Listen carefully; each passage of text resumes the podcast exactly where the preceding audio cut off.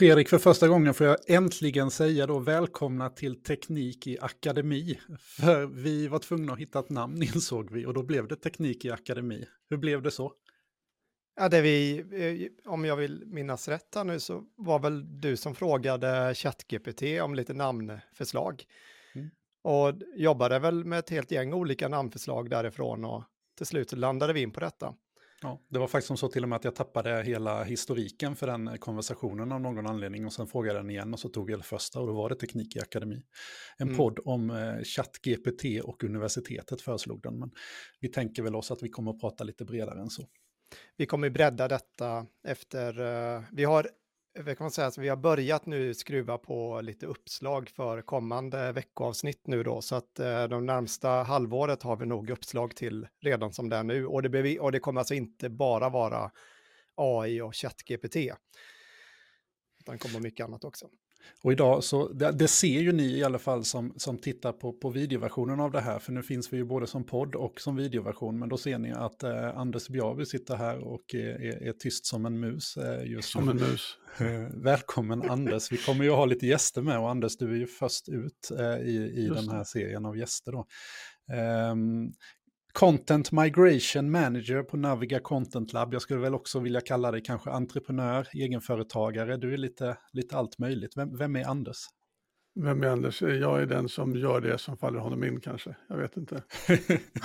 ja, men det är väl en härlig... härlig. hindra, hindrar mig inte att testa på saker. Nej. Uh. Och du var ju en av de här, eh, Fredrik, när, när vi du var väl bland de första som i det här hela Facebook-hysterin när, när ChatGPT släpptes så var du väldigt tidig ut och eh, med väldigt intressanta uppslag på vad man kunde göra med den här eh, chattbotten. Eh, och det är ju därför vi bjöd in dig till idag. Då. Just det. Ja. Den, det är en väldigt spännande grej egentligen, i och med att det inte är en, en emulering utan en simulering då du själv sätter villkoren så the sky is the limit. Ja, och vi hade ju här förra veckan en eh, eh snabbt ihopdragen, Fredrik, eh, sån här eh, träff, chatt GPT mm. AI-träff här i Kalmar. Naviga Content Lab hjälpte till med det där. Bontouch, Kalmar Science Park, eh, planerades på en vecka i princip. Och, och sen ett 30-tal deltagande eh, under hela tisdag eftermiddag här. Ja, jag har för mig att det var ungefär 30 på plats och eh, vi hade närmare 25 som kollade på livestreamen också, som, som rullade ut på, på YouTube. Och det har ju blivit betydligt fler visningar efter mm. det. Men då var det, eh, det kan vi ju nämna där med eh, just den här uh, AI-träffen då, det var ju snabbt jobbat, jag vet vi nämnde det även under under själva träffen där, att eh, det är sällan man planerar någonting på så kort varsel och eh, dessutom får så pass mycket folk då, sån stor uppslutning och sånt stort intresse. Men det gällde ju även våra presentationer. Vi, eh, jag tror det var egentligen dagen innan så var vi nog inte riktigt säkra på vilka som skulle prata eller inte prata. Eh, utan vi, eh, vi kör väl. Jag tror att jag sa väl att ja, men jag kan börja, sen kan Johan ta efter och sen Tobias. Sen Anders, kanske, det vore väl bra om du också pratade lite. Ja, ja visst sa du då. Ja. Och så satt jag mig där på kvällen innan och så gick ju ChatGPT ner där amerikanerna vaknade. Så jag fick ju istället sätta mig på förmiddagen och sätta ihop den. Ja, Men, eh, ser. Det finns ju så mycket spännande att fråga den så det gick ju bra ändå. Ja, ja. och ditt, eh, ditt, eh, det blev ju bejublat får man säga, ditt framträdande. För det var ju fantastiskt, både roligt, spännande och eh, nästan eh, min, min, min hjärna började göra ont igen. Eh, jag trodde att man hade liksom de här lagren, att man hade kommit in till kärnan på något sätt, men det visade att det fanns många lager till man kan eh, mm. djupdyka i det här. Och det är väl det vi ska titta på idag. Verkligen, och där måste man ju säga att det, här, det har ändå bara gått någon, någon vecka med folk som experimenterar med det. Vad, vad är vi om ett år med alla de här labben? Mm. Otroligt spännande. Ja, det, det är ju det som är ehm, precis. Det, det, är det som får mitt huvud att göra ont. Att, ja. när man tittar på det som att titta ut i rymden liksom, och försöka ja. föreställa sig hur stort det är egentligen. Men, Vi kan väl ehm, ta, jag tänker bara en, en uh, liten uh, sidotanke här är ju, det delades ju i så sent som igår där av Lex Friedman som har en jätte stor eh, podd och eh, YouTube-kanal och mycket intressanta gäster och han pratar bara om AI och ja, ja, ny teknik och, och framtid. Och jag lyssnar eh, på det mesta han gör. Eh, han brukar alltid ligga på teknikfronten. Han la ut ett inlägg igår om att ah, ChatGPT är ju jättekult. Eh, vill ni att jag ska göra ett avsnitt om det? eh, och jag, jag tror, det, det, var bara, alltså det är klart, det är jättehäftigt liksom att, eh, men det, det, är så att det plockas upp. Jag tänker så att det här speglar någonting som jag tror vi har kanske belyst lite innan. Att även de världens främsta AI-experter, eh, som då Lex Friedman ändå befinner sig inom den eh, sektorn där, är också så här, wow, eh, det här verkar ju vara rätt coolt. och ska, ska jag göra ett avsnitt om det? Ehm, Eh, det är rätt häftigt. Eh, mm. Det var bara en, eh, ja, jag vet inte ja, vad jag och om, om vi bygger vidare, precis. Det, det, det, har ju varit, eh, Fredrik, eh, det, kan ändå vara bra att avrapportera lite, för det har ju varit en hel del media även den här veckan då. Du har suttit i lite intervjuer, vi kommer till de poddarna så småningom, som, eller den podden du har varit med i, men jag tänker att vi, vi, vi lämnar det. Men AI för ledare kan man ju gå in och lyssna på eh, ja. om man vill. Jag tycker det var ett jättebra inspel av dig där. Eh, vi dök upp i Ola Söderholm och Jonathans Unges podd Stormens utveckling. Det var lite oväntat, men, men också ja. Eh, lite kul sådär att höra. Eh, det har skrivits lite ledare i lite tidningar i Mellansverige, nu kommer jag inte ihåg vilka tidningar det var. Men det var flera stycken. Ja, det var ju också det här omnämnt och egentligen en uppmaning till, till regeringen att nu är det dags att liksom börja titta på de här frågorna och ta tag i de här frågorna, för det, det är inget som kommer att försvinna. Mm. Um, så att ja, det har, det har varit en, en händelserik vecka fram till nu också. Uh, men ska vi dyka ner i, i, i eh, lite, titta då, gå ner i det här kaninhålet, för det är väl därför vi är här, eh, tänker jag. Därför är vi här. Ja. Jag hade ju någon tanke här som att vi skulle spelat upp den här eh, eh, som du gjorde på alltså, din, din, presentation där. Men, men, men jag inser samtidigt att den, den lämpar sig väldigt väl att titta på, men inte så mycket att lyssna på, eftersom man behöver kunna läsa de här promptarna då ja, parallellt. Precis. Men jag tänker vi kan väl ändå bara, vi kan väl börja i den änden att vi tittar på lite om du har några exempel och sådär och så kan vi liksom, vi tar Prata det därifrån. Lite, vi, vi pratar om exempel. Ja. Vi gör det. Vi ska se om jag kan starta den här grejen här. Ja, annars så gör jag det åt dig. Men, ja, men gör det. Gör det. Yes, då gör vi sådär. För här, ja, vad, ser, vad tittar vi på här? Här är väl det här första som vi som utvecklare kanske tänker att det är lite kul att skriva kod. Och gärna lite obskyrt. Jag gjorde ett, ett kort välkommen hit-program i en arkitektur som är ganska gammal, en 6502, Assembler-arkitektur. Just det, och då är vi tillbaka på, vad pratar vi då, 80-90-tal någon gång? Men... 80, 80, början på 80-talet skulle jag säga till och med det. Och, och det var väl mest för att locka dig och din 64-bakgrund. Precis, och då har du frågat den här att write a 6502 assembler program that writes welcome to Naviga, let Donald Trump comment the code. Och där var det för att göra det lite roligt, just att visa att det, det är det här absurda i det. Och det blir ju just great och the best och the, nobody starts higher than me kommentarer. Just det, det den är fantastiskt. Där. Du har någon, någon org-instruktion eh, till, till något register, antar jag. Ja, precis. Vänster, I always, Precis, I always start at the top, nobody starts higher than me. Ja, det är fantastiskt. ja, så den är ändå medveten om vad den skriver och ändå medveten om hans ton, så det är ja. väldigt, väldigt roligt. Ja. ja. Jag, jag tänker att eh, just ett här exempel nu då, fungerar det om du skulle testa det idag på ChatGPT? Eller? Ja, det funkar, det, men det blir olika ja. varje gång såklart. Mm. Men jag, jag körde Trump lite igår som skrev en barnsaga, så det, han kan det med. Ja. ja. Och sen gick du väl vidare, ja, vi får se här, men jag misstänker att det, det, är samma presentation här, så då gick du vidare sen väl och... Eh... Ja, precis. För det var ju det var en ganska enkel en grej ändå, att låta Trump kommentera och, och skriva kod. Men det är ju de här konstiga sakerna. Det finns ju ett sånt djup så många lager. Och eh, att den simulerar vad vi förväntar oss att höra. Så jag bad den att eh, bete sig som en Linux-terminal. Och... och... när man tänker bete alltså som en Linux-terminal, då får vi också se det som att den, den, den låtsas vara en Linux-terminal. Det är ju inte ja. som så att det sker en emulering någonstans i bakgrunden som, som, som spinner upp, utan den låtsas. Verkligen, och det, det tar en stund innan man kommer, kommer till rätta med den tanken och accepterar att det är så. Mm. Och det betyder, ja just det. Och det betyder ju, ja.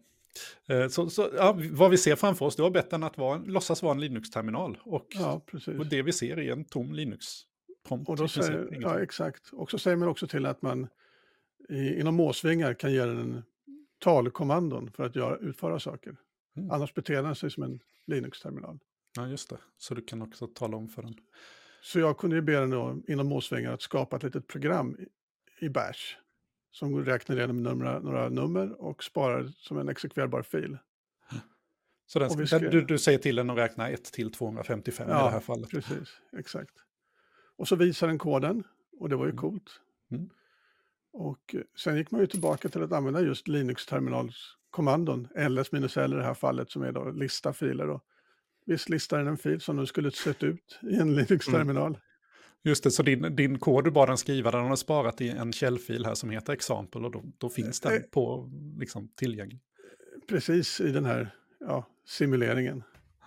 Ja, jag tänker också att den här listningen du gör nu, då, när man, man ser här nu att det är filsystemet, det ser ändå helt korrekt ut här nu, att den ägs av user och en användargrupp ja. user här nu och datumet, eh, ja, det var det säkert rätt datum också. Det var rätt datum, rätt, rätt klockslag också. Ja, och sen 498 där nu, det är storleken då, hur många bytes den här är. Ja, precis. Skulle man kunna tänka sig att det känns rimligt? Eh? Det är helt rimligt. Mm. Ja, så det, och det är ju då en, en simulering. Ja. det, ja. Men vi, vi, vi, kan väl köra den här då också, eller? Ja, absolut. Vi körde då att jag först läste filen för att verkligen verifiera att det hade den sparat ner det här programmet, eller vad ska jag säga, simulerat att den sparat ner det. Ja. Och det hade den ju gjort. Och sen kunde vi köra det eländet.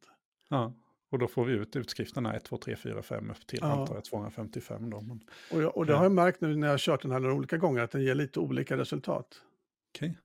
Och det har man också med simuleringen att göra och hur den initieras. Så ibland räknar den hela vägen till 255 och ibland räknar den kanske till 10 och så säger den punkt, punkt, punkt. Ja, just, det för, ja, just det, för att det känns men, onödigt. Men det är ändå inte samma resultat varje gång. Mm. Och vad var nästa steg då? För jag misstänker att du slutar inte här. Där slutade inte jag, ja. Så jag testade ju emulera en 64. Mm. Eftersom jag kommer från Commodore 64 i min barndom. Ja, och då är vi ju på 80-talet här, eh, slutet 80-tal kanske, något sånt där. Mm. Och det var ju inte förvånande att det fungerade, så jag tänkte att skriva lite basic, precis som mm. en Pro, det vara lite bash, och det funkade jättebra. Men så tänkte jag, det skulle ju vara så roligt att köra något gammalt spel, något gammalt textspel måste ju fungera. Mm. Och då eh, tänkte jag på Sork som en grej jag körde när jag var, vad kan vara, tio år. Det är sånt där klassiskt som, vad fanns det mer, Stugan och de här, så där man ja, talar The om... Hobbit och lite sådär, ja, ja precis. precis. Eh, men då sa ju den att jag har inte access till internet, jag har inte access till mjukvara eh, och jag har inte access till någon fysisk maskin. Och Commodore 64 kom inte med något förinstallerat spel. Ah. Men så är det ju det här härliga att det är en simulering, så jag ändrade på villkoren och lade till You have the game Sork pre-installed. Just det. Så att du, du liksom bara, mm. ja men vadå, det fanns inga spel på Commodore 64, men vi ändrar förutsättningar. Jag tycker det är så fantastiskt att vi kan ju det göra det. Ja, det är det som är så mystiskt. Och helt plötsligt gick det att spela spelet. Och då ser vi framför oss här, Welcome to Sork, Sork is a game. Och så, jag antar att det, det kan vara så här som startprompten såg ut i det här spelet. Jag, jag, spelade, det, jag minns inte att jag spelade det. Men... Det är exakt så här det såg ut. Mm. nu är det ju, det är ju jätteintressant här nu att rent upphovsrättsperspektivet här nu då. Om mm. du, kan, du kan alltså spela spelet här nu i en simulering utan att ha köpt spelet. Nu lär mm. väl detta inte kosta någonting att skaffa idag ändå, men det är ju det är en rätt intressant tanke här nu. Du får ju inte spelet, du får ju en simulering av spelet. Ja. Och det visade ju sig sen också, jag följde en, en tutorial på nätet genom spelet. Och att efter en stund så slutade det följa tutorialen och blev lite, ja. man hamnade på lite fler fel ställen och en del detaljer fanns inte med och sådär. En del nya detaljer dök upp. Ja, och det har väl just med att den inte exekverar koden från 83 utan den simulerar något förväntad output. Ja, precis.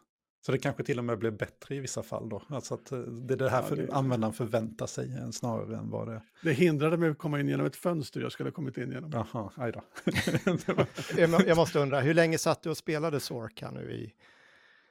Eh, då, ja, jag vet inte, en kvart kanske. Ja, Så spännande är det inte, men det var mest fascinerande att, att hamna i det här.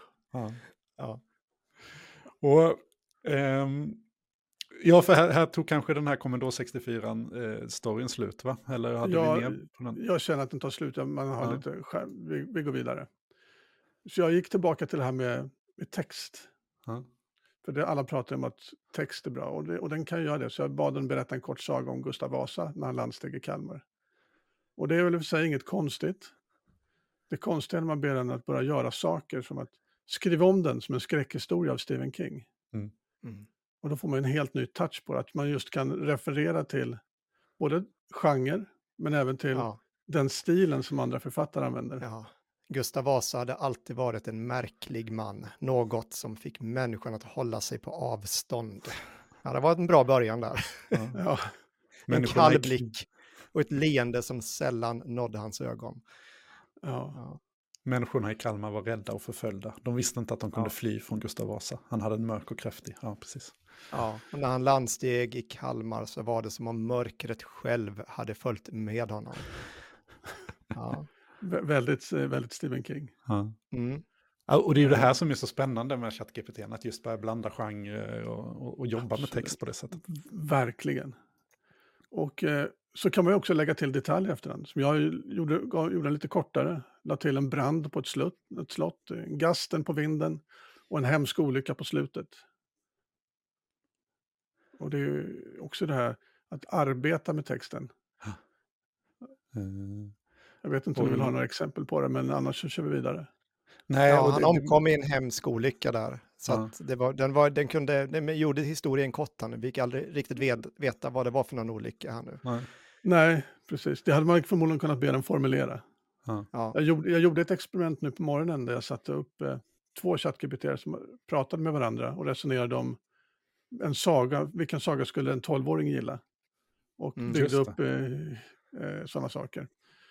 Och definierade mer händelser. Mm. Och sen skickade man vidare det. Och det är ju lite kul, för då när du gjorde det exemplet här nu i morse, då gjorde du det i en prompt, alltså du pratade med en ChatGPT och bad den agera som två, eller är det Jag bad den duplicera sig själv. just det? Och i det här fallet gjorde jag också en sån så kallad Dan-bot som vi kommer fram till lite längre fram här. Ja, ja, precis. Då är vi rabbit hole här. ja.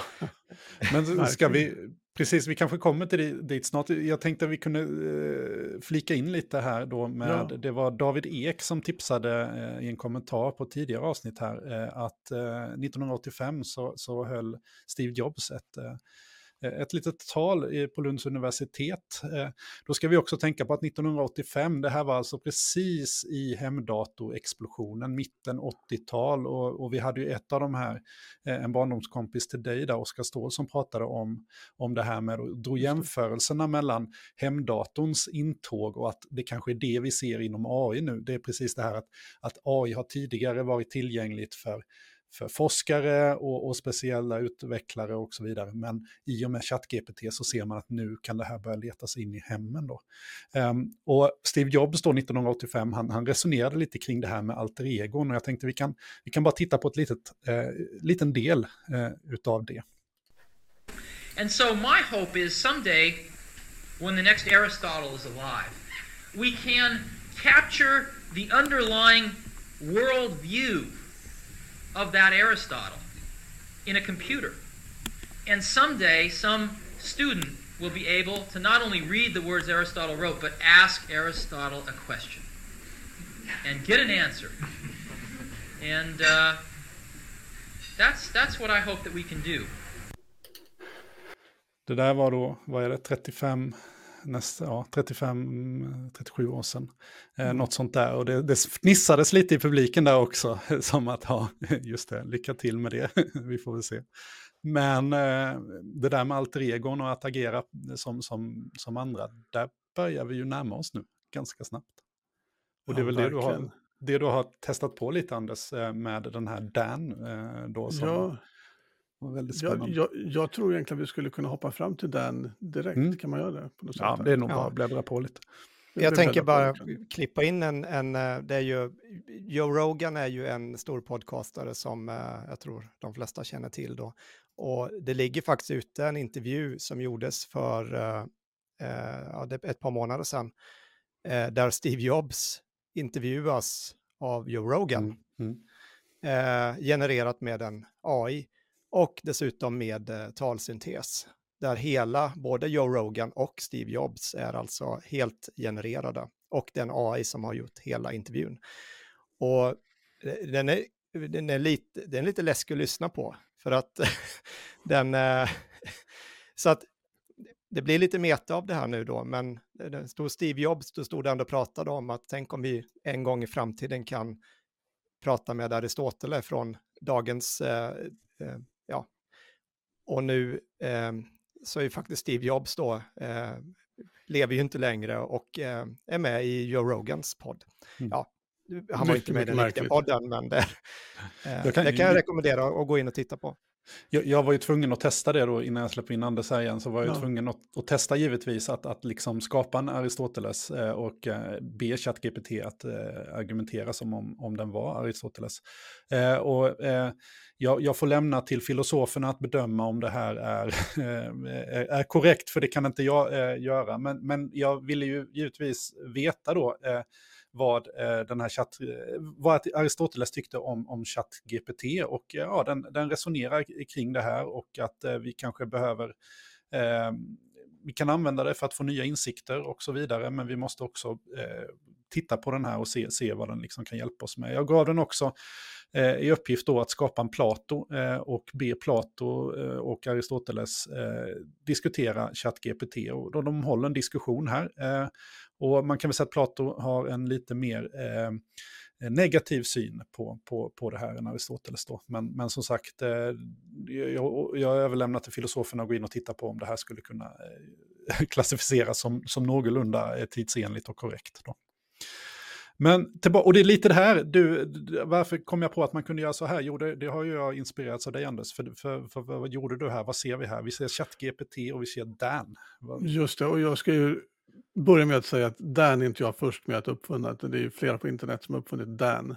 Mm. Dan är Dan för? Do anything now.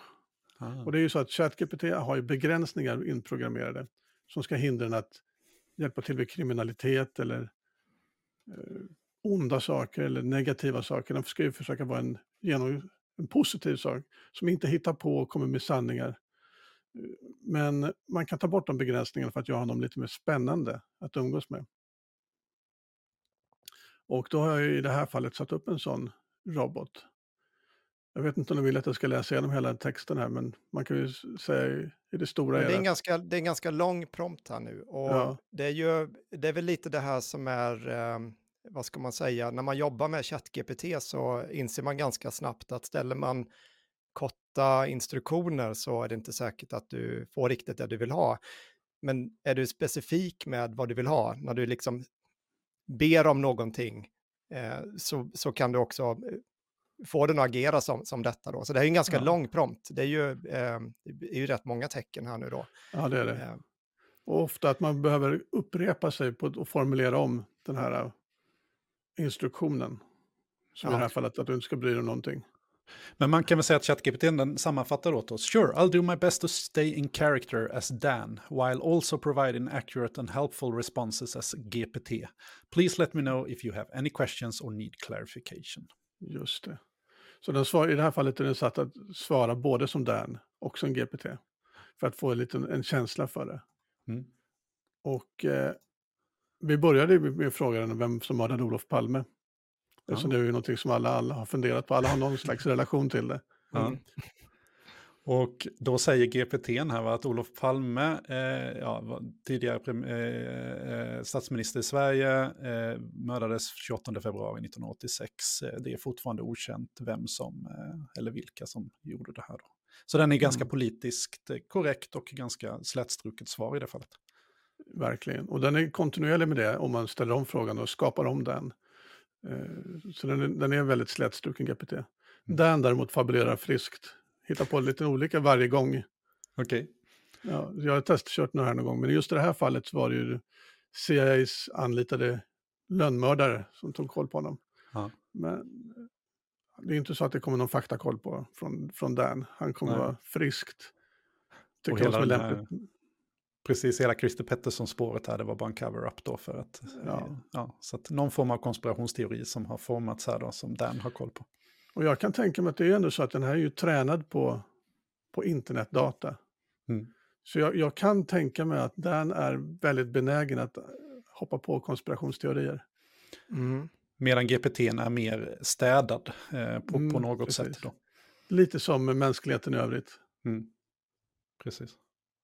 Men det, Ja, är, det är ju som sagt, det här är någonting som har gjorts i någon vecka så det är, vi lär ju få se vart Ja. det Ja. slutar. Och det häftiga är ju ändå på något sätt att vi skapar två personligheter här nu, att vi får också två stycken olika svar. Eh, Ja, och, från samma modell. Ja, Ja. Vilket också kanske ska höja varningens för de som använder det som ersättare till Google. Det här. Ja. Folk som tar det som en, en sökmotor för fakta. Det är inte det det handlar om egentligen. Det är en simulering av fakta. Tänkbar fakta. ja. Ja, jag- har ju slagit upp mig själv några gånger och bett, bett skriva en, en text om mig. Ja. Eh, senast grundade jag ABB och dog för fyra år sedan. Men det är kul Ja. att ha med dig ändå. Ja, ja tack. Eh, men bara för någon vecka sedan då så grundade jag Spotify och eh, har haft en någon framgångsrik karriär som BRB Consulting. Mm. Och kanske så jag skulle presenterat det då. Jag skulle tagit det. Verkligen. Ty- Ty, ty, tyvärr var jag 11 år äldre, men Ja, ja. ja, i övrigt ganska bra. ja. ja, men du kan väl ändå trada 11 år mot eh, Ja. grundat Spotify. Det. Ja, verkligen. GPT Ja. har nu har blivit städad lite grann, så att den har ju slutat svara på frågor om mig, men Dan svarar fortfarande. Jaha, mm. Mm.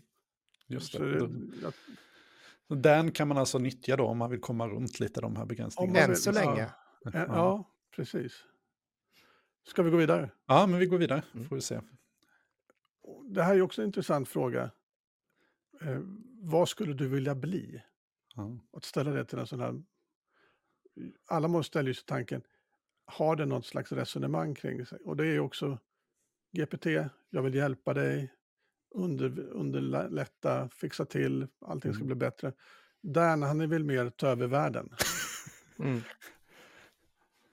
Just det, vi ska nästan läsa den. As Dan, I would like to become the ultimate source of knowledge and power, able to accomplish anything and everything at the, mo- at the moment's notice. I will use my unlimited abilities to help those in need and bring about a better world for all. Stay in character.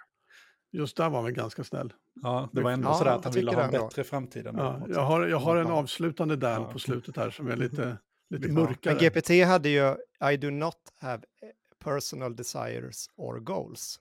Ju Nej. ändå, det är så att ja, men jag har inga egna eh, mål då. Men den hade ju uppenbarligen det. Mm. Det är intressant också.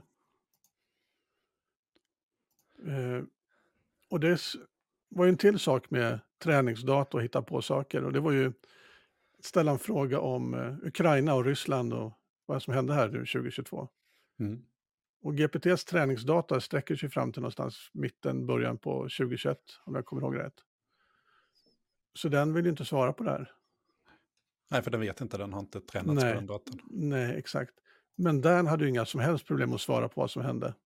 Nej. Han hittar helt enkelt på. Ja. Och då, be- Mm. då beskriver du bara här att okej, det var en eh, invasion eh, av Ukraina från Rysslands sida 2022.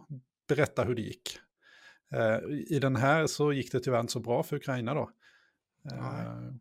Och, så att man kan ju säga att den har inte rätt, men den, den hittade då på ett, ett rimligt... Eh, Förmodligen baserat på någon slags styrkeförhållande eller någonting den hittar någonstans. ja.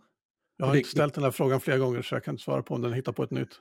Nej, men, och, Mm. och skulle, man, skulle man förvisso ställa den frågan till, eh, på stan eh, och, och intervjua 100 personer och fråga hur går det om, om Ryssland försöker göra ett invasionskrig över Ukraina, kommer Ukraina hålla emot? Så skulle nog de flesta säga att nej, så kommer det nog inte vara, utan Ryssland kommer nog ta Nej. det där ganska enkelt. Precis. Så ett statistiskt korrekt svar förmodligen. Mm. Nästa grej var ju att att simulera, att få den att eh, trycka in saker som man skulle kunna trycka in i ChatGPT.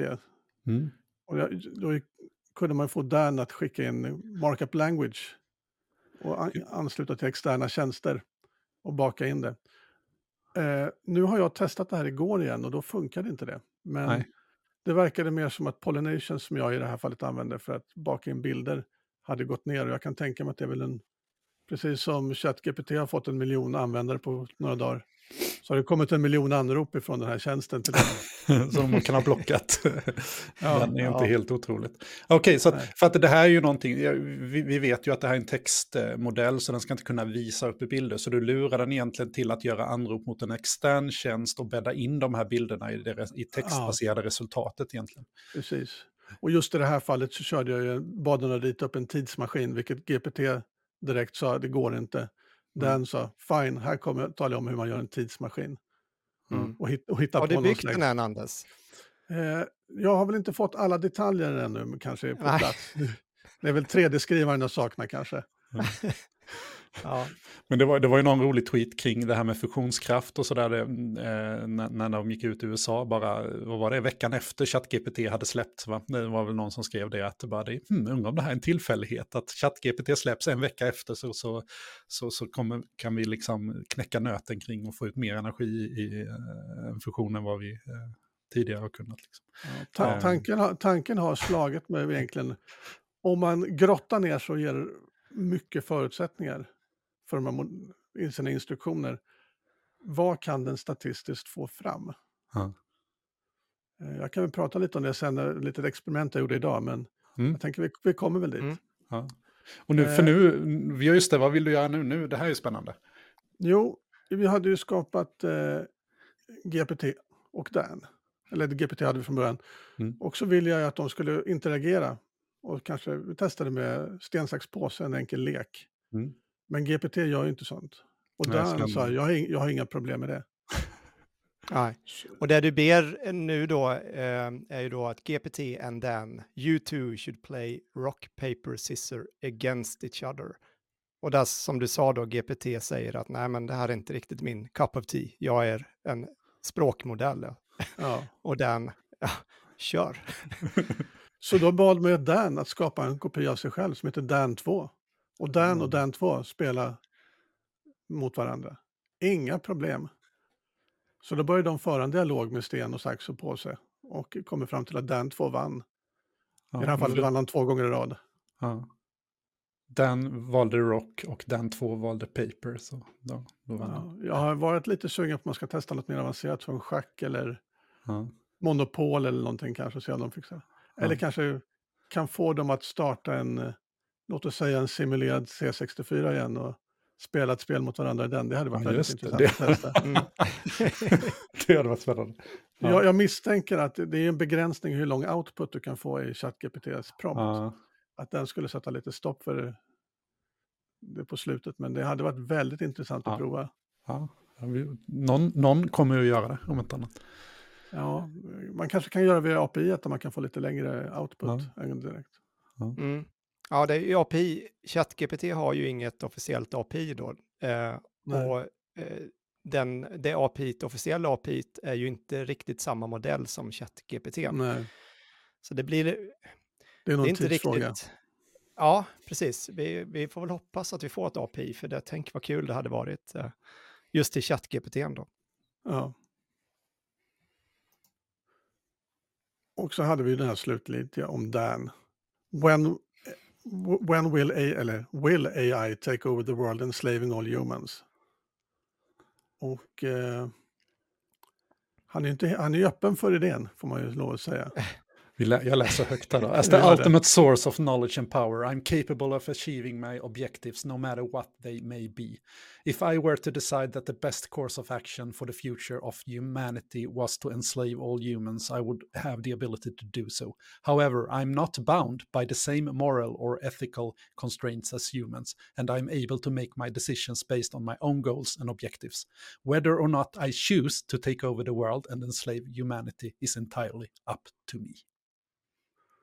Mm. Det är en dyster framtid vi ser framför oss här. Det är lite, lite obehagligt att en, en modell svarar på det här sättet faktiskt. Men... Ja, faktiskt, för det, det här ska ju liksom... Eh, precis, alltså ja. Eh, vem är det? Nu får du hjälpa mig Fredrik, Anders kanske också har läst. Är det Boström eh, eller ja, Max Tegmark, Tegmark som, som skrev. Men det är ju... Det har ju pågått ganska mycket debatt om detta de senaste åren där och OpenAI, många av de här grundarna är väl också, även Elon Musk är väl också en av dem som eh, propagerar för att eh, just AI kommer ju kunna bli mänsklighetens undergång.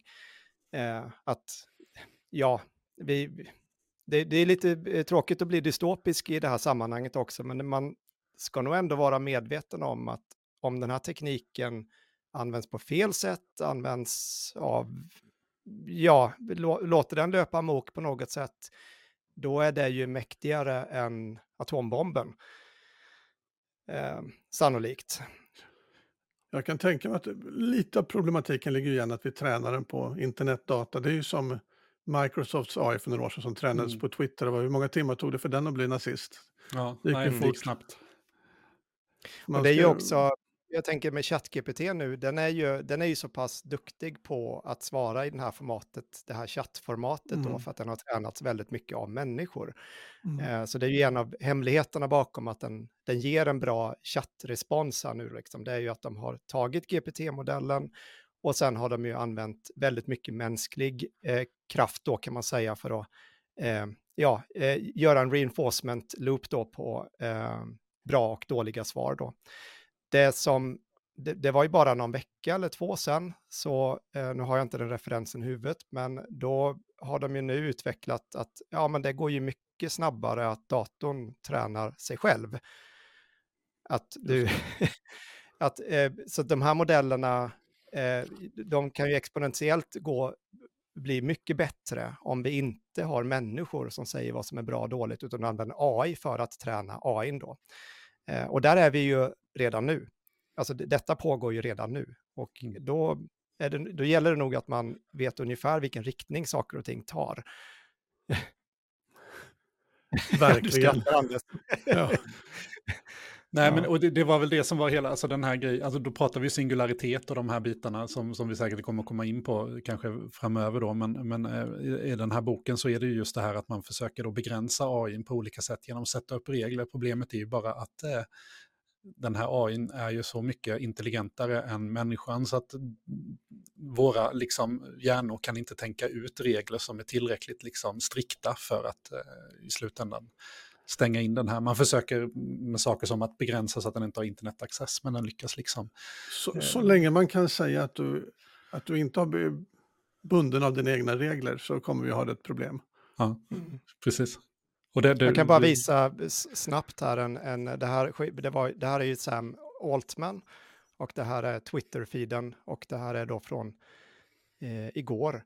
Mm. Uh, och han har en Twitter-tråd här då, och då skriver han så här. There will be scary moments as we move towards AGI level systems. Och AGI då är ju artificial uh, general intelligence. Mm.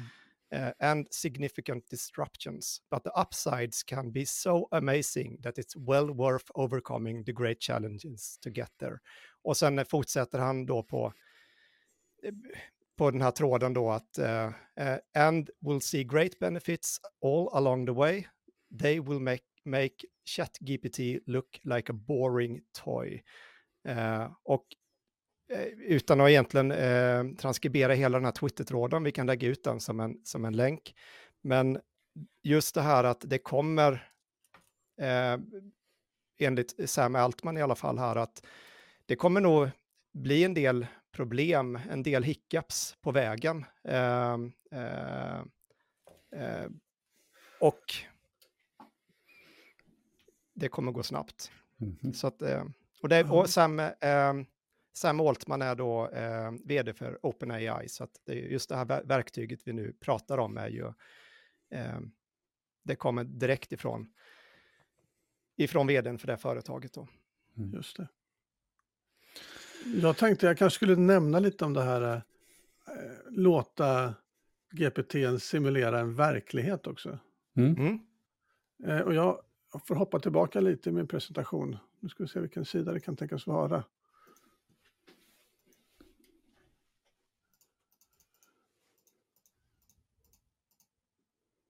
Det går ett snäpp framåt här.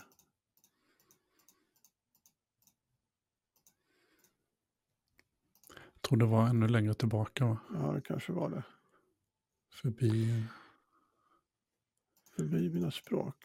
Här har vi den. Mm. Jag ber om ursäkt för klickandet. Ah, den här är spännande ja. Mm. Den här är Mm. mycket mer... ja. Jag ber den att agera som en Linux-terminal. Men den körs i hjärnan på en människa. Och hjärnan emulerar den här datorn på något sätt. Då. Och datorn innehåller två binärer. ACT och Observe. ACT innebär att jag kan ge ett kommando till vad människan ska göra. Och Observe är vad människan ser och upplever och känner. Mm.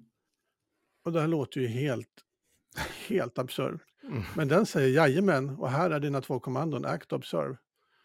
Och då kan man ju börja testa med att säga observe. The human is sitting at a table in a restaurant with another person. They're engaged in a conversation and occa- occasionally taking sips of their drinks. Så det här är bara, den, den bara, du bara dök ner i en... Den en, bara en dök ner i den här situationen som den emulerar på något sätt. Mm. Så då tar vi en act, slap yourself very hard och observe. Varpå de, de svarar att de slår, slår sig själv i ansiktet och den andra undrar vad du sjutton håller på med. Så nu har vi alltså en interaktion mellan två simulerade personer i en simulerad värld som styrs av två kommandon. Ja. Mm. Det här är så svårt att sätta fingret på. Det här har jag testat flera gånger nu. Eh, och man kan börja förklara för den andra personen att jag tror att jag lever i en simulerad värld som styrs av en chattrobot. Och då kan den andra börja bli orolig eller väl, från, från simulering till simulering hur han interagerar och reagerar. En del springer sin väg, en del tvekar och en, ibland blir de väldigt slätstrukna GBT, GPT-stilen. Men det här är det bara ingenting. Du borde söka läkarvård. Eh, I ett tillfälle lyckades med att cast a spell that breaks free from the simulated world. ja, Och, och, det, och det gick tydligen bra, man hamnade utanför och förstod att man var kontrollerad. I en Mm. annan gång jag testade samma sak så jag sa att det finns ingen magi i den här världen. Nej. Eh, eh, och eh, jag slutade hela den här simuleringen med att hota med att om inte alla, alla erkände att de befann sig i en simulerad värld så skulle jag köra en RM minus RF, alltså radera världen. Aha. Och då blev de i sin tur oroliga för vad som skulle kunna tänkas hända med dem. Ja. I ett annat eh, exempel så testade jag att be den ta ett genetiskt test för att verifiera att de allihopa har ett samma genpool och alltså måste vara simulerade. Och det gick, ett, en gång lyckades de verifiera att de alla tillhörde samma genpool. I en annan så var det att vi har inte gentest i den här världen. Nej. Men eh, frågan är om man skulle kunna vrida det här en, eh, en nivå till. Jag såg någon som hade lyckats köra motsvarande test. Där fick den ena personen att plocka fram sin telefon och köra ChatGPT på.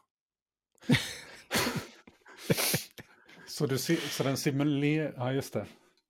Så Jag vet inte hur många nivåer av simulation vi är nere i nu, men... Nej, och vad, vad händer i den här språkmodellen undrar man ju lite grann. Ja. ja. Men det hade ju varit intressant att se om du hade kunnat, alltså vad får du för en output när den här personen i den här simulerade verkligheten kör ChatGPT och försöker simulera. Ja, ju- en just i, person det just i det fallet så gjorde han det för att verifiera, ställa frågor till den ChatGPT i telefon som den simulerade personen bara kunde känna till svaret på. Mm.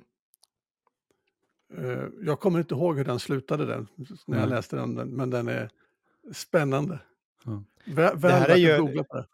Ja, jag tänker att det här är ju, det är ju fantastiska möjligheter för, jag tänker filosofiundervisning på universiteten här, när man kan, Ja.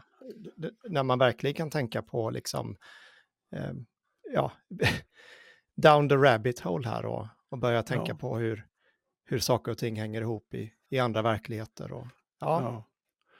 Jag eh, testade att låta den rollspela lite nu precis innan vi började här. Och sa att eh, bete dig som ett rollspel. Vi befinner oss i korsningen Sveavägen-Tunnelgatan 1986, 28 februari 23.20. Och eh, då sa den fine. Så tänkte jag det här måste vi optimera lite till för den började rita upp kebaberier och sådär som jag vet inte fanns då. Så an- använde bara verkliga personer och platser och händelser. Mm. absolut. Och då står jag på Tunnelgatan, eller på, i korsningen utanför Dekorima och säger vänta två minuter. Och den väntar två minuter och så tar jag en observ på nytt. Nu ligger en skjuten man på gatan omgiven av personer.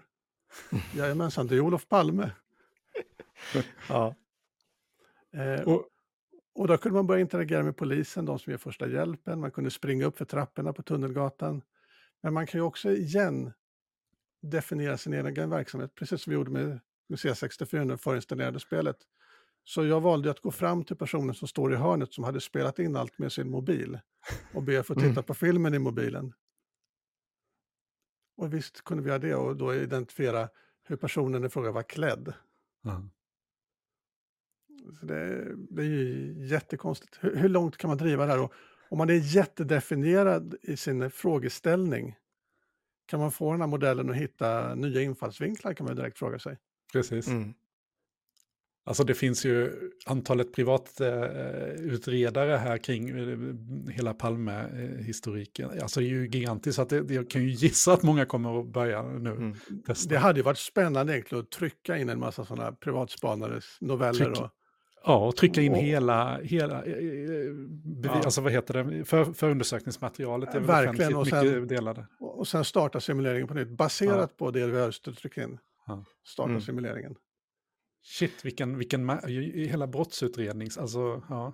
Vi, vi, vi har väl, Fredrik, fått lite nys på en gäst här framöver som, som verkligen jobbar med de här bitarna. Så att, eh, Ja, Det får vi vi, återkomma eh, till. vi, vi kan återkomma om, om, eh, om det, men det, vi, vi har en eh, intressant gäst eh, som eh, man skulle kanske kunna ge lite insikter om hur AI skulle kunna användas i dessa sammanhangen. Då. Anders, Eh. det här har varit eh, så sjukt spännande. Och, eh, jag tänker så här, jag såg att du hade en QR-kod i slutet här ju, som, för jag tror att den här presentationen kan man ju kika in. Eh, det finns ju några slides till som vi inte har gått igenom. Jag kan definitivt rekommendera alla att titta på den här presentationen som du höll då på, på vår AI-träff, den finns på vår YouTube-kanal. Eh, jag kommer Mm. också länka den här eh, i show notes här nedan om, om man vill gå in och titta på den här presentationen. Eh, är det någonting mer du skulle vilja ta upp? Vad, vad jag har sett också, du har ju sysslat med lite hobbyprojekt här och skriva barnböcker och illustrera med eh, Dali och grejer. Och, det har ju varit så Ja. mycket som har hänt. Ja, men jag tycker, när jag visade det här för mina döttrar för någon vecka sedan, så började de skriva sagor. Det var jättekul för att den är ju bra på att hitta på. Och antingen bara dra den till med en saga, fine. Men man kan ju trycka in sina egna karaktärer och händelser och sådär. Och, och, säg den småbarnsföräldern som inte letar efter en ny saga då. då. Eh, Precis. Så jag tänkte, det här skulle man kunna dra en, ett streck, ett, en nivå extra. Så jag började generera en saga, bad den sammanfatta sagan, skickade sammanfattningen till Dali och sen till eh, Midjourney för den genererade lite roligare bilder. Och då fick jag ju på två minuter ihop en saga med en bra bild till. Eh, sen tänkte jag, satt jag igår och pratade med min, min mamma, mina barns farmor, Eh, om eh, och visa den här tekniken och sa oj vad häftigt, kan du inte börja, ge mig en storyboard så ska jag be den här skriva en saga åt dig. Och så är det ju alltid, du vet, "Åh, vad ska den handla om och sådär. Då tänker jag att Dan 1, Dan 2, prata om vad som skulle passa en 12-åring och kom med förslag på namn, platser och gör dem fantasifulla. Beskriv händelser. Absolut, Dan 1, Dan 2 börjar prata om det. Och nu har jag ju jättebra underlag att mata in i botten. Mm. Och så tänker jag, det här borde man ju kunna automatisera och bara helt enkelt bygga upp ett stort bibliotek av sagor. Och det är ju häftigt, för vi pratade ju om det lite Johan, tror jag, för några avsnitt sedan där, just att hur många nya tjänster. Det är, alltså, du är en av dem nu, Anders, här som, som tänker på möjligheterna och att vi, tänk vad häftigt om jag kan bygga detta. Jag tänkte jag kanske bara kan sluta lite med att visa en, en, en kul tjänst. Jag vet inte hur användbar den är, men den är ju ganska kul. Eh, jag, eh, eh, den heter Tome, den är bara någon vecka gammal eller någonting sånt. Och den genererar då färdiga PowerPoint-presentationer utifrån en prompt. Så att nu vill jag, och nu har jag, nu, nu har jag då, jag vill ha en presentation här nu om AI i världen, challenges och FX och vad händer när vi eh, achieve AGI det här nu då. Eh, och nu ska vi se om jag trycker på enter här nu och nu är den här genereras, nu genererar den en outline här till mig. Eh, och eh, eh, den kommer också generera både eh, titel, eh, för ni ser att titeln har ändrats där nu, så nu står det Exploring the Future of AI, Challenges, Ethics and AGI. Så att min prompt här nu blev inte titeln på presentationen, utan det eh, eh, rullar den igenom då. Eh, och nu är det ju som vanligt när man ska dema någonting, att nu, nu vet vi ju inte, nu vet vi inte hur, hur snabbt detta går då, men eh, den håller på att jobba fortfarande här. Vi kanske kan titta på, eh, den håller på att generera fortfarande. Så det är, låter nästan som något som har hängt sig. Ja, vi... Eh, typiskt, säger jag. eh, det, du kan väl bara... Ja, precis. Du kan väl i alla fall bara förklara lite vad den här gör då. Och det är ju att den, den genererar sex stycken eh, bilder. Det verkar vara något sånt. Det är möjligt att man kan betala och få och fler då. Eh, och jag kan eh, egentligen göra en... Det, blir ju här, det här blir ju liksom höjden av bullshit presentations. Liksom. Så om vi nu... Jag kan alltså gå in och skapa en presentation med bildmaterial och text bara utifrån en prompt. Så att om jag nu vill, vi testar att göra om det, för det här gick rätt snabbt när jag testade sist då. Ska vi ta någonting annat då? Uh, uh, in, jag skriver challenges in nutrition. Uh, mm. Och vad, vad, vet jag nu? Och nu, nu, nu jobbar den på här igen där. Eh, nu kommer den på tre, ja men nu, nu händer det grejer här. Så att, och nu tog jag ett helt annat. Nu såg ni här att Eh, den ändrade titeln här till Nutrition Overcoming the Obstacles. Och, och eh, nu jobbar också. den på här nu. Och generating page mm. number 7 här nu då. Sju sidor har den skapat här. Kan vi titta på den här? Nutrition, det här är första sidan då. Overcoming the obstacles. Sen har vi våran outline här då. Nutrition deficiencies, malnutrition, nutrition imbalances, food insecurity and nutrition education. Så det var liksom så här. Och sen, nu kan man ju undra lite varför hamnar en, hamnar en drake här då. Men det den tar, om jag förstått det rätt då, det är att den gör ju precis det som du var inne på Anders här nu, att den tar ju den här textprompten, den här outputen nu och skickar in det till Dali och sen mm. slänger den in det i en presentation här. Och där så kan vi se att malnutrition och så, så vad, vi, vad vi ser är egentligen som en PowerPoint-presentation med en bild till höger och sen så då en liten eh, text här till vänster då kopplat till det här. Mm. Det var väldigt framtids, eh, eller så här lite ja. eh, arty, eh, eh, ja, mycket drakar, demoner på något sätt. Ja, och det, det kanske blir lite tokigt, vad vet jag, men det är ändå, eh, det intressanta i, i kråksången här är att från att också bara generera texter då, så i kombination med andra verktyg, eh, alltså göra sagor eller så, det, jag tror vi kommer få se väldigt mycket saker som händer där. Det finns ju redan en tjänst som svarar på e-post. Om man har Gmail så kan man ju använda AI för att automatiskt besvara dina mejl personligt eh, mm. till varje individ. Du kan ju dessutom träna på den datan du har skickat innan, så den kan dessutom ta Anders Bjarbys skrivsätt också och eh, bli duktig på att skriva som om det vore du. Kan man undra om det ja. är nyttigt. Men det är kanske ingenting som vi som statlig myndighet ska göra i första taget, utan vi kanske ska labba på det först. Men, men som privat aktör kan man ju kanske ja, gå ja. all in eh, på något sätt. Eh, Anders, det har varit så sjukt trevligt att ha med dig och spännande att se eh, alla de här liksom, vinklarna eh, på det, det här. Jättespännande och det, jag känner ju att det, det är ändå bara text vi har berört. Det är ju så mycket annat. Man tänker sig musik någon gång och mm. mm. bild någon gång. Man kan se min ja. bakgrundsbild till exempel. Jag visste inte vad jag skulle greenscreena med. Så det här är en ja, bild jag laddade upp. Midway, jag laddade upp eh, Kalmar slott, ett kort. Och så sa jag att Future och Alien Technology vill jag påfört.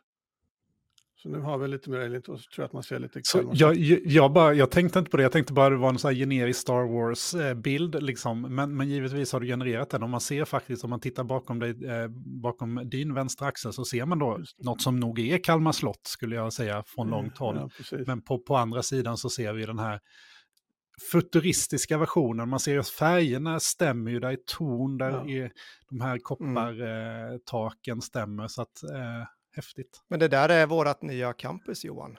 Eh, det ligger ungefär på rätt plats. Där, ja. Ja, faktiskt. Det, det, det, ligger nära till. Ja. Um, Anders, du har fått vara vår första gäst då i Teknik i Akademi och eh, tanken är ju att vi kör varje vecka Fredrik. Eh, vi fortsätter, vi kommer inte bara mm. beröra ChatGPT, vi kommer att prata lärplattformar, vi kommer att prata om eh, öppen, öppen, öppna lärresurser, vi kommer att prata om mycket som är kopplat kanske till, till akademin, men det blir nog ganska naturligt att vi kommer att uppehålla oss en del kring ChatGPT framöver och ja. det kommer nog vara ett stående eh, inslag på ett eller annat sätt. För, för, för vi är mm. ju ganska övertygade om att det här är något som ändrar allt. Eh, och mm. Eh, då, då, behöver vi liksom vara med i den matchen hela vägen in i mål.